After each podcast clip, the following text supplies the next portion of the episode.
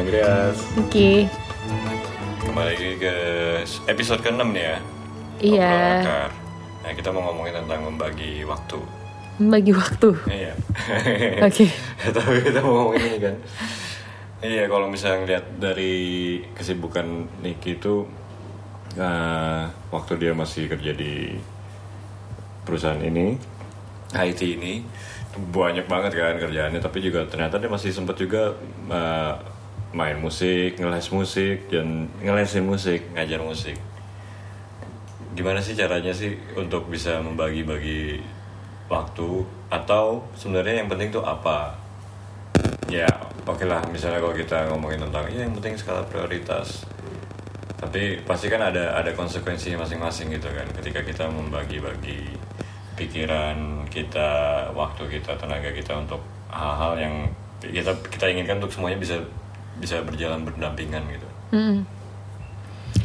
Oke, jadi sebenarnya sih pertama tuh harus balik lagi ya kayak ke kenapa melakukan itu gitu kan. Hmm. Karena kayak kebanyakan teman-temanku dan aku juga ngerasa ketika kita kerja gitu working hours gitu, 9 to 5 9 to 6 malah itu tuh jadi nggak sempet ngapa-ngapain lagi terus kayak yang jangankan untuk apa ya bermusik atau apalah atau menjalankan hobi atau apa kayak mau ketemu sama temen aja tuh susah gitu. Padahal sebenarnya kan ya udah sih kerja 9 to 6 bisa ketemu jam 7 kan sebenarnya. Cuman memang mereka tuh kayak ah ya udahlah capek gitu apa segala macem. Terus giliran weekend ya udah pengen di rumah gitu nyantai gitu kan kayak istirahat gitu lah jadi sih sebenarnya yang penting tuh buat aku pertama eh, kenapa melakukan hal-hal di luar pekerjaan itu gitu misalnya. Kayak bisa dibilang kan side hustling gitu kan. Hmm. nah jadi aku memang suka bermusik aku memang pengen main musik pengen full time musik tapi waktu itu keadaannya belum memungkinkan untuk itu gitu kan. Belum memungkinkan untuk itu. Eh ya aku suka musik aku dapat duit juga dari musik gitu kan dari aku main musik tapi eh waktu itu masih ada banyak pertimbangan lah sampai akhirnya aku memutuskan untuk tetap kerja kantoran gitu kan misalnya nah dan menurut aku nggak bijaksana ketika aku ya udah kan kalau orang-orang bilang kan kejarlah passion kamu bla bla bla bla bla gitu kan. Tapi nggak nggak menurutku nggak bijaksana juga. Kita tiba-tiba berhenti kerja tanpa pegangan terus untuk mengejar passion gitu. Karena kita kadang-kadang juga belum tahu itu benar-benar works nggak sih sama kita atau kita cuman kayak semacam apa ya eh Keinginan terpendam yang pengen diwujudkan. Pembuktian. ya apalah bukan sih lebih ke kayak eh cuman euforia aja gitu. Gimana sih aku ya kayak gitulah kurang lebih. Nah cara bagi waktunya sih sebenarnya memang pertama harus menyadari kalau aku punya tujuan itu. Hmm. terus akhirnya jadi ada niat lebih kan. Karena capek loh maksudnya side hustling tuh capek. Kan misalnya kayak kerja dari jam 9 gitu misalnya sampai jam 4 gitu. Atau misalnya kerja lebih pagi gitu kan biar bisa pulangnya lebih cepet. Nah kebetulan sih memang kerjaan gue itu target base jadi lebih sim lebih kayak waktunya fleksibel yang penting target kamu tercapai gitu Oke. kan tapi tetap menyita waktu banyak. Jadi kayak aku kerja tuh bangun misalnya kayak pagi jam 6 gitu aku udah bangun kan atau jam 5 gitu. Ya jam 6 lah mostly setengah 6 lah aku sering bangun. Terus aku kayak ya olahraga mandi siap-siap apa segala macam terus langsung kerja langsung kerjain hal yang bisa aku kerjain di rumah. Sampai akhirnya terus aku ada kerjaanku yang memang harus meeting gitu ketemu orang. Sampai aku jam meeting. Jam meeting terus aku meeting meeting meeting segala macam. Kelar beres semuanya jam 4 ya udah terus aku ini ngajar biasanya. Hmm. ngajar. Ngajar-ngajar tuh biasanya mulainya sore kan anak-anak baru pulang sekolah kan sekarang sekolah sore gitu. Terus ya udah. bisa berapa kilo? Apanya? berapa berapa jam perjalanan?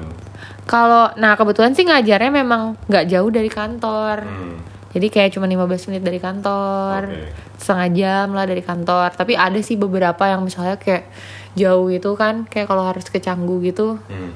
setengah jam sih. Cuman jam-jamnya itu jam-jam macet. Macet, jadi ya. kayak 45 menit sampai sejam gitu. Cuman itu kayak aku sengaja kumpulin di satu hari yang sama gitu sih cara ngakalinnya. Jadi nggak bolak-balik gitu kan ya udah habis ngajar kelar misalnya kayak jam 7 jam 8 gitu makan terus lagi nge-report kerjaan-kerjaan kantor lagi. Terus latihan segala macam atau ngapain gitu terus baru tidur. Besoknya begitu lagi. Weekend main maksudnya manggung gitu kan. Ya udah weekend manggung apa segala main kayak gitu. Dan itu tuh capek maksudnya capek tuh bener-bener aduh gila nih ya nggak ada istirahat sama sekali gitu kan. Tapi ya itu baik lagi ke karena aku udah tahu eh, aku ingin melakukan ini selama berapa lama jadinya aku udah lebih kayak eh, apa ya Siap. willing to do gitu. Lebih willing to do kayak gitu. Nah terus menurutku yang penting sih lebih ke daripada manajemen waktu ya eh memang bener sih kita kan pertama udah nih niatnya tuh ngebagi nih jam segini ngapain jam segini ngapain jam segini ngapain. Tapi tuh pasti nggak nggak selalu sesuai dengan itu gitu loh. Pasti ada aja yang misalnya oh ya gue kerja nih dari jam 10 sampai jam 12 ngerjain ABCDE Iya. tapi nanti ke ke ke ke, ke eh, sorry yang kelar tuh cuman ABC doang gitu kan. Ada kayak masih dua yang belum gitu jadi harus di dipindahin lah. Maksudnya ada jam tambahan lah untuk ngerjain si dedannya itu gitu kan terus juga kadang ya udah nih jam 9 sampai jam 10 malam latihan gitu. Misalnya bahannya ini ya buat manggung kapan gitu. Tapi udah capek gitu kan. Jadi nggak jadi gitu kan. Saya hal-hal kayak gitu. Nah yang lebih penting buat aku sih sebenarnya lebih ke kayak manajemen energi sih. Hmm. jadi kayak manajemen energi itu banyak hal. Jadi kayak kita meliputi ngatur pikiran aku biar nggak capek. Karena kan capek itu bisa datang dari mana aja ya. Betul. masalah hati masalah pikiran masalah fisik iya sih.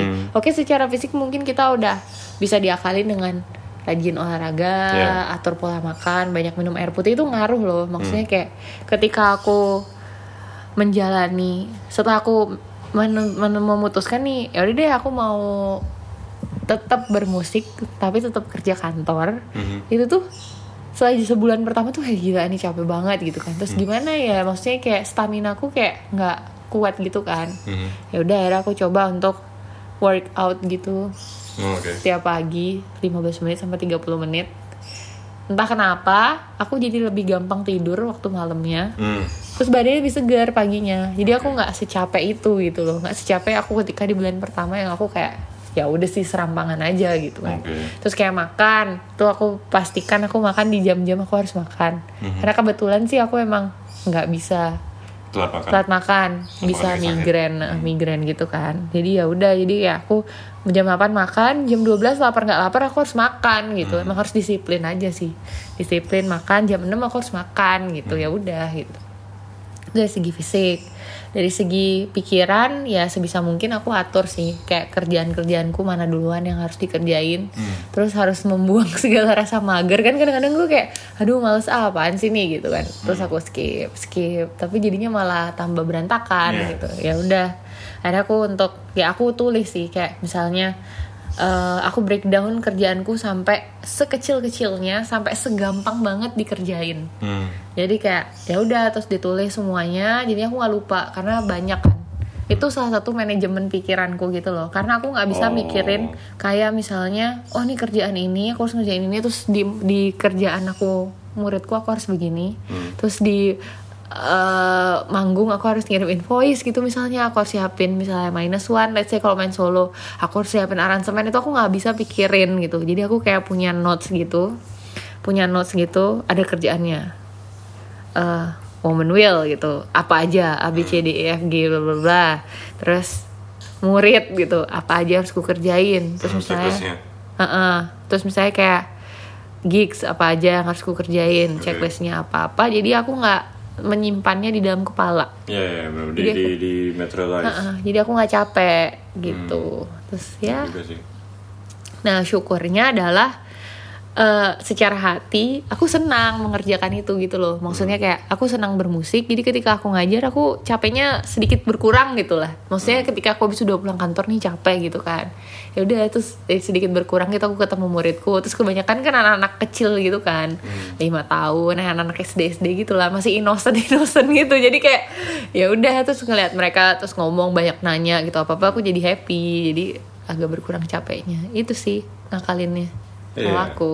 Meng- apa taruh semua itu eh, yang ada di kepala itu ditaruh dalam daftar di dalam supaya juga gampang nge-trackingnya yang mana yang udah dilakukan atau belum yang perlu dilakukan apa aja yang ini bisa entar eh, mendelegasikan waktu atau kepada orang lain misalnya gitu bener bener. dan itu akan membuat pikiran kita lebih lebih lebih terstruktur sih dengan dengan dengan membagi seperti itu kan jadi emang emang iya sih eh, pikiran yang lebih terstruktur terstruktur itu lebih lebih nggak bikin capek. Justru sebaliknya kalau nggak terstruktur seperti itu lebih gampang capeknya karena langsung aduh kayak oh, kayak oh, banyak iya, gitu iya, ya, benar. Ah, kayak banyak nih apa nih belum habis ada lagi gitu kan. Jadi kayak DVD Impera. Iya ya gitulah. Ya kan? Sesame Street itu. Tapi eh, aku pernah ada dua opposing views eh, dua cara kerja untuk meningkatkan produktivitas. Satu misalnya uh, netepin tujuan. Dalam dua tahun mau ke mana? Terus habis itu di breakdown yang mesti dilakukan apa aja? Eh, di tahun pertama mesti ngapain? Di, terus tahun kedua gimana? Terus di tahun pertama di breakdown lagi tiap bulan mesti ngapa? Terus tadi tiap bulan, tiap minggu mesti ngapain, tiap minggu, tiap hari mesti ngapain, tiap hari entah misalnya tiga jam pertama mesti ngapain, tiga jam kedua, bla bla bla. Ada juga yang bilang eh, sebenarnya kadang-kadang secara seperti itu eh, nggak terlalu nggak terlalu apa ya, nggak terlalu efektif? Or apa? Hmm, kayaknya sih katanya bukan efektif sih, cuman dia bilang kurang works gitu kadang-kadang kalau kita bikin tujuan dan terus itu nggak ter- tercapai itu lebih gampang stres. Oh oke lebih nggak happy. Iya iya iya, betul. Iya. dan dan un- untuk untuk sebagai gantinya dia menawarkan alternatif adalah yang penting bikin habit. Bikin habit itu setiap hari mesti ngapain setiap hari mesti ngapain. Nah lama-lama itu kan ke- lebih lebih nggak terasa melelahkan gitu untuk mencapai tujuan itu Ya sebenarnya sih kalau aku ngeliat dari antara keduanya sih yang emang bagus untuk punya tujuan. Ya kalau bisa konkret bagus kalaupun enggak ya nggak apa-apa. Tapi setelah tahu tujuan itu ya kita mau mencapai apa kita jadi tahu kita mesti ngapain kan bikin mesti bikin habit yang seperti apa gitu. Karena kadang-kadang untuk untuk memaksa diri untuk eh, melakukan breakdown breakdown yang tadi tuh yang tiap tahun tiap bulan minggu dan hari kadang-kadang itu jadi kayak eh, di kepala kita wah kita harus gini nih harus gini. Walaupun yang mengharuskan adalah kita sendiri gitu. Ya.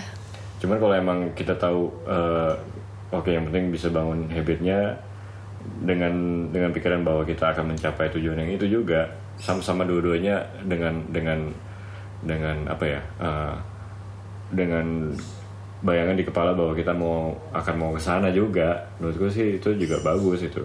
Bisa bagus untuk kita juga. Makanya kenapa misalnya eh, aku bikin podcast kamu bikin podcast kita bikin podcast ini juga. Sebenarnya untuk men- membangun habitnya itu dulu kan. Belum tahu nih podcastnya akan bisa dibawa ke mana gitu. Cuman emang sambil dengerin podcast podcast, yang lain yang yang juga asik juga jadi ke- ketahuan sih sebenarnya. Eh, aku mulai bisa notice oh ya mesti ada elemen ini elemen ini. Bagi segmennya seperti apa yang menarik seperti itu gitu. Cuman emang belum benar-benar aku mau terapkan sistem yang seperti itu gitu.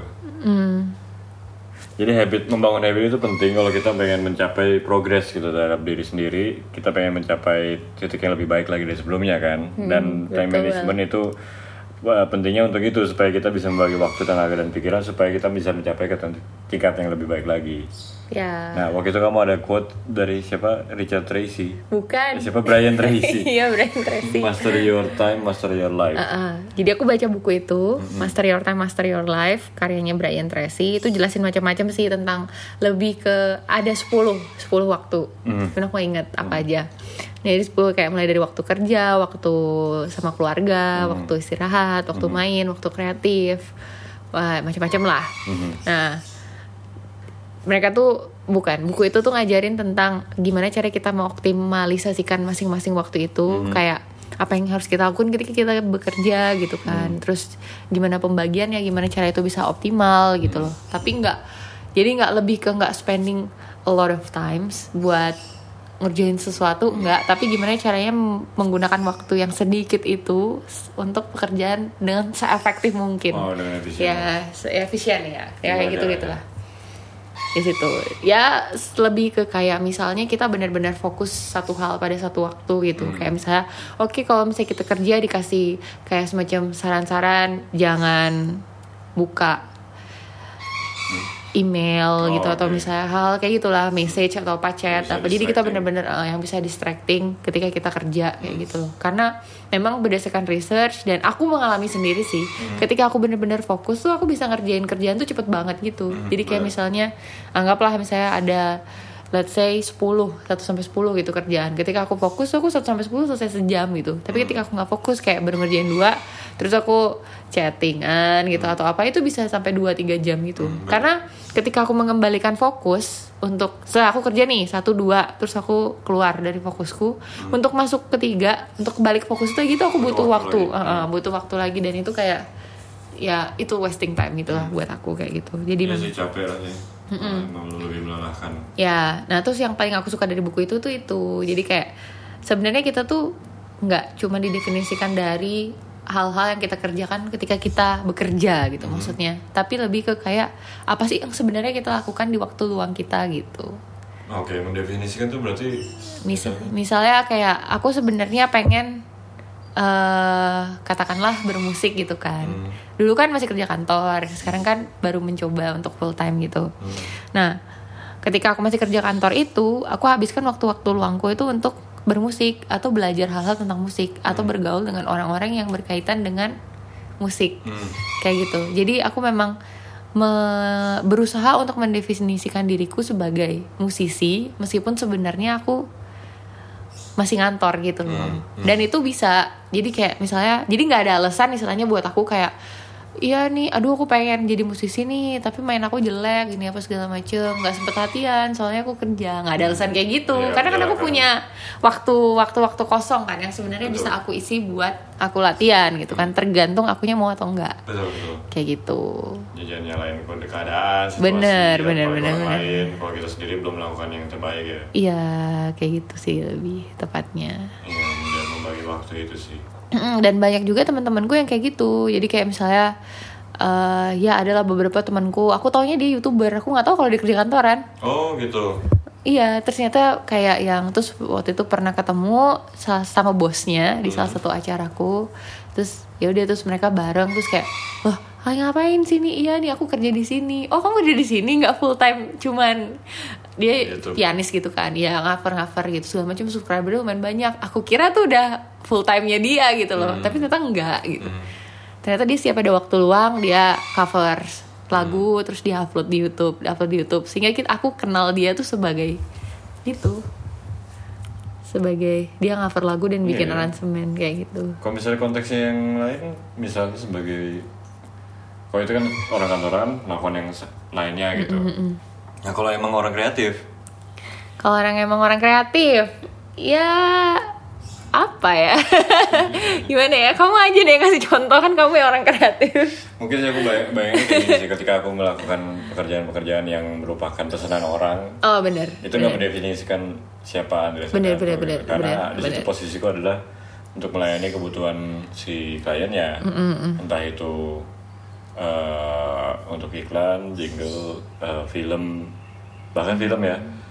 Eh, atau atau misalnya aku diminta untuk em, memproduksi sebuah rekaman itu ya emang ada beberapa orang yang emang di ya kayak misalnya salah satu yang aku favoritin itu lah Max Martin gitu. Ya dia dikenal lewat karya-karyanya dia walaupun dia bukan artisnya gitu. Aku nggak tahu yang kalau kalau kata-kata itu yang mendefinisikan dia itu adalah apa yang dilakukan di waktu luangnya yang mana kita nggak tahu sama sekali. Maksudnya di di pekerjaannya aja dia nggak terlalu banyak dikenal sama orang awam. Gimana yang di waktu luangnya dia ngapain lebih kita lebih nggak tahu lagi gitu. Iya. Eh, kalau ya mungkin sih kalau di waktu luang aku aku harus bikin karyaku sendiri. Ya gue lihat itu atau atau eh, ya misalnya podcast ini terus atau em, bikin workshop workshop untuk bikin lagu baru sama Dead Bachelors ya mungkin itu sih yang lebih lebih bisa lebih akan mendefinisikan siapa aku nantinya. Karena mungkin kalau aku lihat sih lewat apa yang kita kerjakan di waktu luang kita itu itu lebih membentuk diri kita gitu. lebih kita akan lebih memilih untuk melakukan yang kita suka. Benar-benar yang kita paling enjoy itu untuk kita eh, lakukan di waktu luang kita sehingga jadi itulah. lebih membentuk gitu ya Ya mungkin kali ya, yang lebih akan mendefinisikan. Karena kan kalau misalnya pekerjaan ya udah emang emang emang ada Harus, pesanan, ada eh, keharusan, ya udah ada aja kebutuhan gitu. Iya. untuk memenuhi makan Nah, gitu kan. iya iya iya Dan bener. itu bukan benar-benar murni emang kita pengen melakukan karena Iya. kita suka gitu. Walaupun oke ada. lah kita bisa bilang kita enjoy kerjaannya gitu kan. Ya walaupun sama-sama di dunia musik ya kalau dalam hal aku.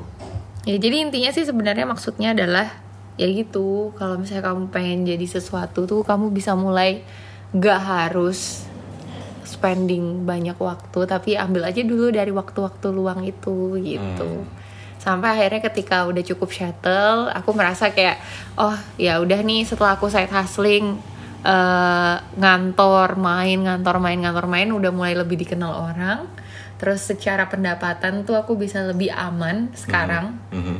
udah setara lah ngantor sama bermusiknya gitu ya udah terus aku ngerasa aku harus improve lagi dengan aku harus melepas salah satunya Hmm, dan oke. fokus ya udah akhirnya aku lepas gitu Oh itu ya, barusan aku mau nanya tentang itu sih. Apa jadi eh, kapan? Kita memutuskan untuk Iya, ya. iya kalau kan? iya kalau menurutku itu sih karena lebih bijaksana aja menurutku seperti itu karena kan kita punya kebutuhan primer Hmm. untuk hidup ya maksudnya kayak gitulah nah terus eh, sub tapi untuk eh, ada batas-batas di mana aku ngerasa kayak oh ya secara finance aku udah cukup safe aku bisa hidup Mengandalkan, maksudnya mengandalkan yang, yang tadinya saya yang tadinya saya hustle, hustle itu. Terus secara habit aku udah terbentuk. Karena aku nggak mau cuman kayak emosi doang gitu loh. Aduh nih sucks banget nih pekerjaan kantor males Jadi gitu atau doang. apa terus kayaknya lebih enak ya main musik karena ini karena ini. Padahal sebenarnya banyak nggak enaknya juga kan. Kayak harus latihan kayak harus ya la- latihan juga. itu nggak terlalu nggak selalu menyenangkan gitu loh kan orang mikirnya oh, enak ya orang main musik ya nggak tahu dia latihan tekniknya berapa jam harus ngulikin lagu ini harus ini harus pusing juga mikir ini mikir itu kan Intonasi, Ha-ha, itu latihan kan bareng orang lain atau sendiri. ya terus itu kan sesuatu yang nggak dilihat orang gitu kan Betul. dan aku nggak mau kayak ketika aku udah rasain nih nggak enaknya Mhm. tapi aku tetap bertahan oh berarti aku bisa nih di sini kayak gitu. Jadi kayak milih kerjaan tuh kayak milih pasangan gitu loh. Iya kan? Maksudnya kayak yang eh, milih profesi gitu ya. Kayak milih pasangan nggak semua. Kemarin aku baru baca juga tuh di akunnya live at Gojek. Hah? ya dia bilang gitu sih kayak dan aku ngerasain juga memang kayak milih kerjaan tuh kayak milih pasangan. Nggak semua hal yang nggak semua hal kita suka benar-benar dari suatu pekerjaan itu gitu. Hmm. coba deh bener kan? Misalnya kayak ya misalnya kayak aku bermusik gitu males gitu kan kadang-kadang harus soundcheck panas-panasan gitu atau apa gitu kan kayak gitu-gitu kan kalau saya manggung atau aku males banget kayak harus latihan penjarian atau apa kayak gitu kan. Itu sebenarnya apalagi main biola ya bikin tone yang bagus harus latihan gesek panjang kayak nada satu nada ah gitu 16 ketuk itu tuh males banget kan kayak harus dilakuin setiap hari gitu kan. Tapi ya mau nggak mau ya itu harus dilalui harus diterima gitu Jadi yang mana yang eh, hal-hal yang menyenangkan dan gak menyenangkannya lebih lebih banyak yang bisa ditolerir gitu kan? iya sama kayak milih pacar pasti ada yang nggak menyenangkan kan maksudnya dari pasangan kita dari apa gitu. Nah, tapi kekurangan mana nih yang bisa kita terima gitu Hmm. kekurangan orang yang mana kekurangan pekerja kekurangan dari pekerjaan yang mana yang bisa kita terima gitu Hmm. itu sih Iya. Juga sih. tapi bukan berarti kerjaan kantoran tuh jelek ya. Hmm. ada beberapa orang yang memang sukanya meniti karir di korporasi gitu Iya, kan. Iya. ya mungkin buat mereka kerjaan freelance atau apa ng- nggak se menyenangkan itu. Lebih ter- tertantang ketika berada di korporasi naik jabatan promosi segala macam gitu. Tapi pasti ketika mereka melakukan itu ada juga hal-hal yang mereka nggak suka. Misalnya rekan kerja yang nyebelin atau bos yang nyebelin tapi kan Iya, harus iya, dilalui gitu Tapi kalau emang lebih banyak yang gak disukai tapi bertahan untuk duitnya doang, ya terserah juga kan. ya itu pilihan sih Cuman ya emang itu sih. Eh, aku pun kayak gak tau deh kita pernah ngobrol tentang ini sih di eh, obrolan akar yang aku ya aku ingat sih ya kita pernah ngomongin ini yang mana eh, personal gitu bukan di oh ya oke gitu. yang ya itu sih aku juga walaupun aku dari dulu emang maunya bekerja di bidang musik dan aku sekarang full time musician udah ber- dari 2000 ya say 2006 gitu. 14 tahun. 14 tahun itu waktu masih kuliah juga gitu. 14 tahun jalanin pekerjaan ini emang eh, ada pekerjaan ada job-job yang datang emang untuk eh, yang aku mungkin gak terlalu enjoy tapi aku butuh uangnya gitu. Tapi aku juga nggak pengen eh, aku melakukan segala sesuatu karena duitnya? duitnya. Mungkin bukan melakukan segala sesuatu ya.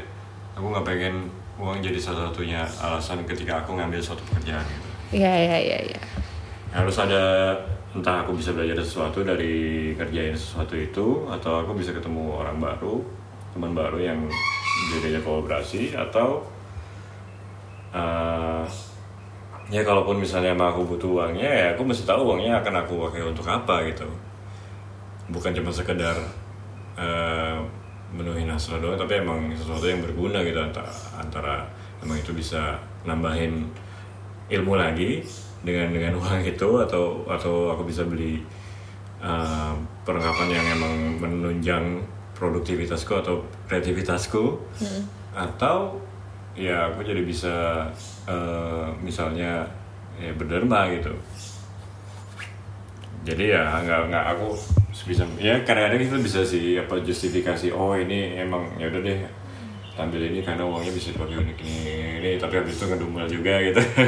Ya jangan sampai gitu sebisa mungkin lah. Mungkin nggak bisa 100% benar nggak nggak seperti itu. Nah terus eh, ini kan soal membagi waktu. Kalau kamu sendiri ketika kamu hmm, mencapai suatu tujuan dalam hidup apa aja yang kamu lakukan untuk mencapai itu selama ini? Aku sih lebih tipikal orang yang kan tadi kan ada dua opsi kan kalau dari kamu kan tentuin breakdown apa-apa Atau terus bikin at- habit. atau bikin habit.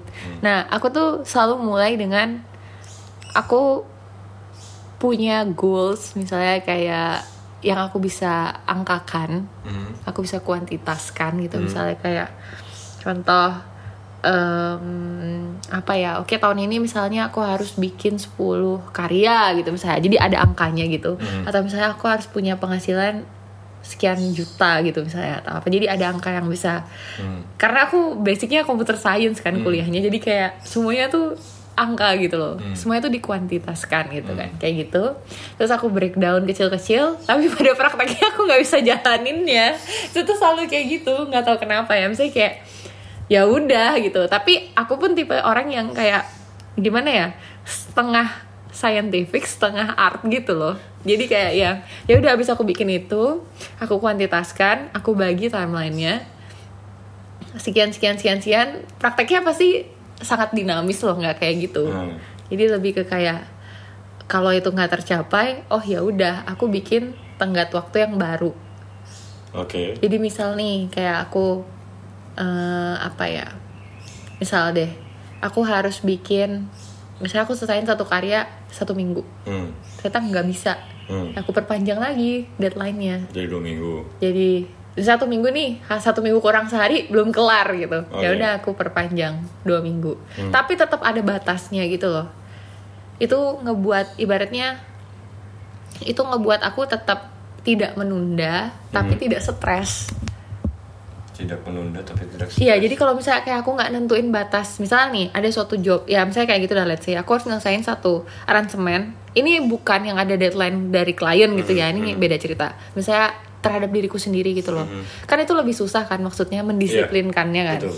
Nah, misalnya udah, aku nih seminggu aku harus ngerjain ini, up, ini harus jadi. Nah ternyata Hamin satu dari deadlineku yang aku tetapkan sendiri itu aku nggak nggak selesai. Ya udah aku perpanjang lagi tambah tiga hari Hmm. tapi tetap harus ada batasnya karena itu yang ngebuat aku gerak untuk ngerjain lagi gitu loh nggak nggak aku diemin aja gitu Nggak nah iya itu ngebuat ibaratnya itu kan aku bilang tadi aku suka nyatetin karena aku harus ngapain. Jadi itu tetap tertulis Hmm. meskipun deadline-nya mundur. Oke. Jadi tetap ngerasa di pikiranku tuh ada beban aku harus ngerjain itu tapi aku juga nggak yang wah gila nih aku udah lewat terus aku harus jadi stres Oke. kayak gitu. Jadi lebih ke kayak aku tetapin tujuannya aku setup ininya tapi pada pelaksanaannya aku sangat dinamis gitu loh Hmm. untuk kesehatan dan kewarasanku sendiri gitu aku kayak gitu sih tipenya mesti sih mesti menurunkan angka yang kamu taruh itu untuk target sebagai target-target ya dong. Eh, biasanya sih aku lebih ke kayak masukin target yang cukup misalnya nih secara matematis aku udah yakin kalau aku bisa contoh let's say misalnya paling gampang apa ya? Tabungan deh paling gampang deh. Tabungan nih misalnya kayak aku punya 10x gitu 10 juta gitu misalnya dalam setahun gitu aku ka- kasarnya. Aku udah yakin aku bisa dapat segitu. Mhm. aku akan naikin misalnya setengahnya jadi 15 Hmm. nah jadi 15 nah biasanya itu jadi aku nggak buat target yang terlalu tinggi gitu loh. Jadi in the end of the day pasti tercapai sih biasanya Hmm. kenapa penting karena target itu penting buat aku sebagai afirmasi aja sih Hmm. nah karena ketika karena aku orang yang percaya afirmasi gitu kan Afirmasi. Afir- ya, ya, ya. ya Men- aku menegaskan. percaya heeh. aku percaya ketika aku yakin sama sesuatu semesta akan bergerak ke sana Hmm. itu yang aku percaya itu aku punya kepercayaan kayak gitu jadi kenapa penting untuk setting goals dari jadi pertama aku udah ngukur kemampuanku aku udah sadar nih aku bisanya seberapa oh segitu berarti aku tambahin sedikit Nah, aku tambahin yang nggak terlalu muluk tapi juga nggak terlalu nyantai gitu Mhm. aku tambahin terus ya udah aku patok nah biasanya eh, itu kan aku selalu bikin goalsnya tuh tahunan gitu ya jangka panjang gitu kan atau yang biasanya aku kalau misalnya keteteran di bulan pertama gitu gampangnya aku biasanya akan kejar di yang berikut berikutnya Oh. jadi Nyusul. in the end of the day itu akan tercapai gitu sih End biasa of the year. in the end of the year iya atau kan nggak harus selalu setiap tahun kan? Atau kapan pun biasanya tercapai gitu. Nah itu sebenarnya salah satu habit yang kebentuk ketika aku kerja di korporasi. Oke. karena aku kan based on target kan aku punya yearly target. Dalam berarti itu di breakdown kayak eh, setiap kuartal setiap bulan setiap minggu setiap kayak hari kayak gimana. Tapi memang di lapangan tuh nggak bisa kayak oh sehari aku mau dapat sekian. Nggak bisa tapi aku bisa seminggu tuh ternyata dapat sekian gitu tetap dapat target mingguannya aku tetap Oh. dapat meskipun target harian nggak dapat kayak gitu Ya, ya, ya. itu membentuk aku di diriku sendiri dan kehidupanku sendiri juga Iya sih, jadi ada ada ya itu sih afirmasi itu membuat kita jadi fokus ke terhadap terhadap goal yang mau dicapai. ya Seperti itu kan. jadi gitu jadi penting untuk punya tujuan Hmm. karena ketika aku nggak punya tujuan tuh aku nggak punya reason nggak punya alasan buat Ya, ngapain aku ngelakuin ini Betul. terus aku jadi kayak ya ampun 23 tahun nggak melakukan apa-apa jadi kayak gitu loh. Iya jadi ya stres sendiri juga gitu. Kenapa apa ya? Gak apa-apa kan umur cuma angka doang. Iya, aku banyak belajar sih di sini juga. Eh, ini udah 38 menit sama, sama intro tadi mungkin 40 menit menitan. Sebenarnya sih kita kita harus eh, simpulkan. Berarti kesimpulannya adalah ketika kita mau mau mencapai sesuatu yang kita nggak bisa capai dengan hanya menjadi diri sendiri seperti sekarang, ya kita harus eh, membuat melakukan hal-hal yang yang bisa membuat kita mencapai level itu kan? Ya. Dan ketika kita punya itu di kepala kita ya udah sekarang tinggal gimana membagi waktu untuk menuju ke sana gitu. Untuk membangun habit-habit yang baru supaya kita bisa punya entah itu skill atau atau uh, networking atau uang atau knowledge atau atau wisdom yang diperlukan untuk kita bisa mencapai titik itu yang kita inginkan. bener. Sebenarnya nggak cuma membagi waktu sih. Aku nggak setuju sih kalau cuma bagi waktu doang. Bagi apa aja nih energi bagi juga. waktu bagi manajemen energi sebenarnya yang lebih And being penting. present. Hmm, Being present ketika emang harus melakukan itu ya. iya iya. itu gitu. disiplin. Bagi waktu tuh gampang. Gampang banget kayak ya udah tinggal bikin jadwal seret sudah. Tapi kan ngejalaninnya yang susah manajemen energinya itu yang perlu dilatih gitu loh. Hmm. ketika oh waktunya A ya kita harus melakukan A. Dan energi cukup nggak untuk melakukan A gitu? Karena sering kali kan yang menghambat itu itu gitu. Hmm. Nah untuk manajemen energi itu yang tadi tiga itu aku bilang oh ya secara fisik kita bisa latih. Lewat olahraga makan tidur cukup. Ya disiplin. Disiplin tidur tuh juga penting. Ya, jadi ya, kayak oh di jam segini capek tidur ya tidur gitu. Kalau capek, kalau belum capek ya kalau bisa tetap tidur sih kalau aku ya. Nggak bagus begadang tiap hari dasar. Terus manajemen pikiran itu dengan ya ngehacknya ya dengan itu nulis. Jangan terlalu membebankan banyak hal dalam pikiran.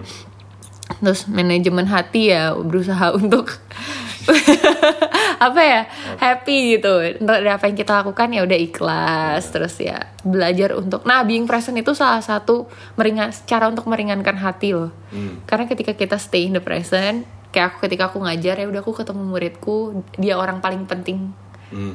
saat itu. saat itu dalam hidupku aku harus melakukan mencurahkan segalanya untuk dia dan aku akan menerima segalanya juga ternyata Betul, dari betul. dia. Pikiranku nggak ke mana-mana kualitas hubungan yang aku bentuk dengan muridku jadi lebih baik. Mhm. aku nggak capek karena aku nggak pikiranku nggak ke masa lalu dan ke ya. masa depan. Dan itu ngebuat aku lebih happy jadinya. Hmm. aku lebih happy lebih nggak capek gitu. Membagi waktu dengan tidak membagi diri sendiri. Dengan tidak membagi pikiran lah. Itu ya. ya. Intinya tuh satu hal pada satu waktu itu aja. Nah ya jangan mencoba melakukan semuanya dan sekaligus.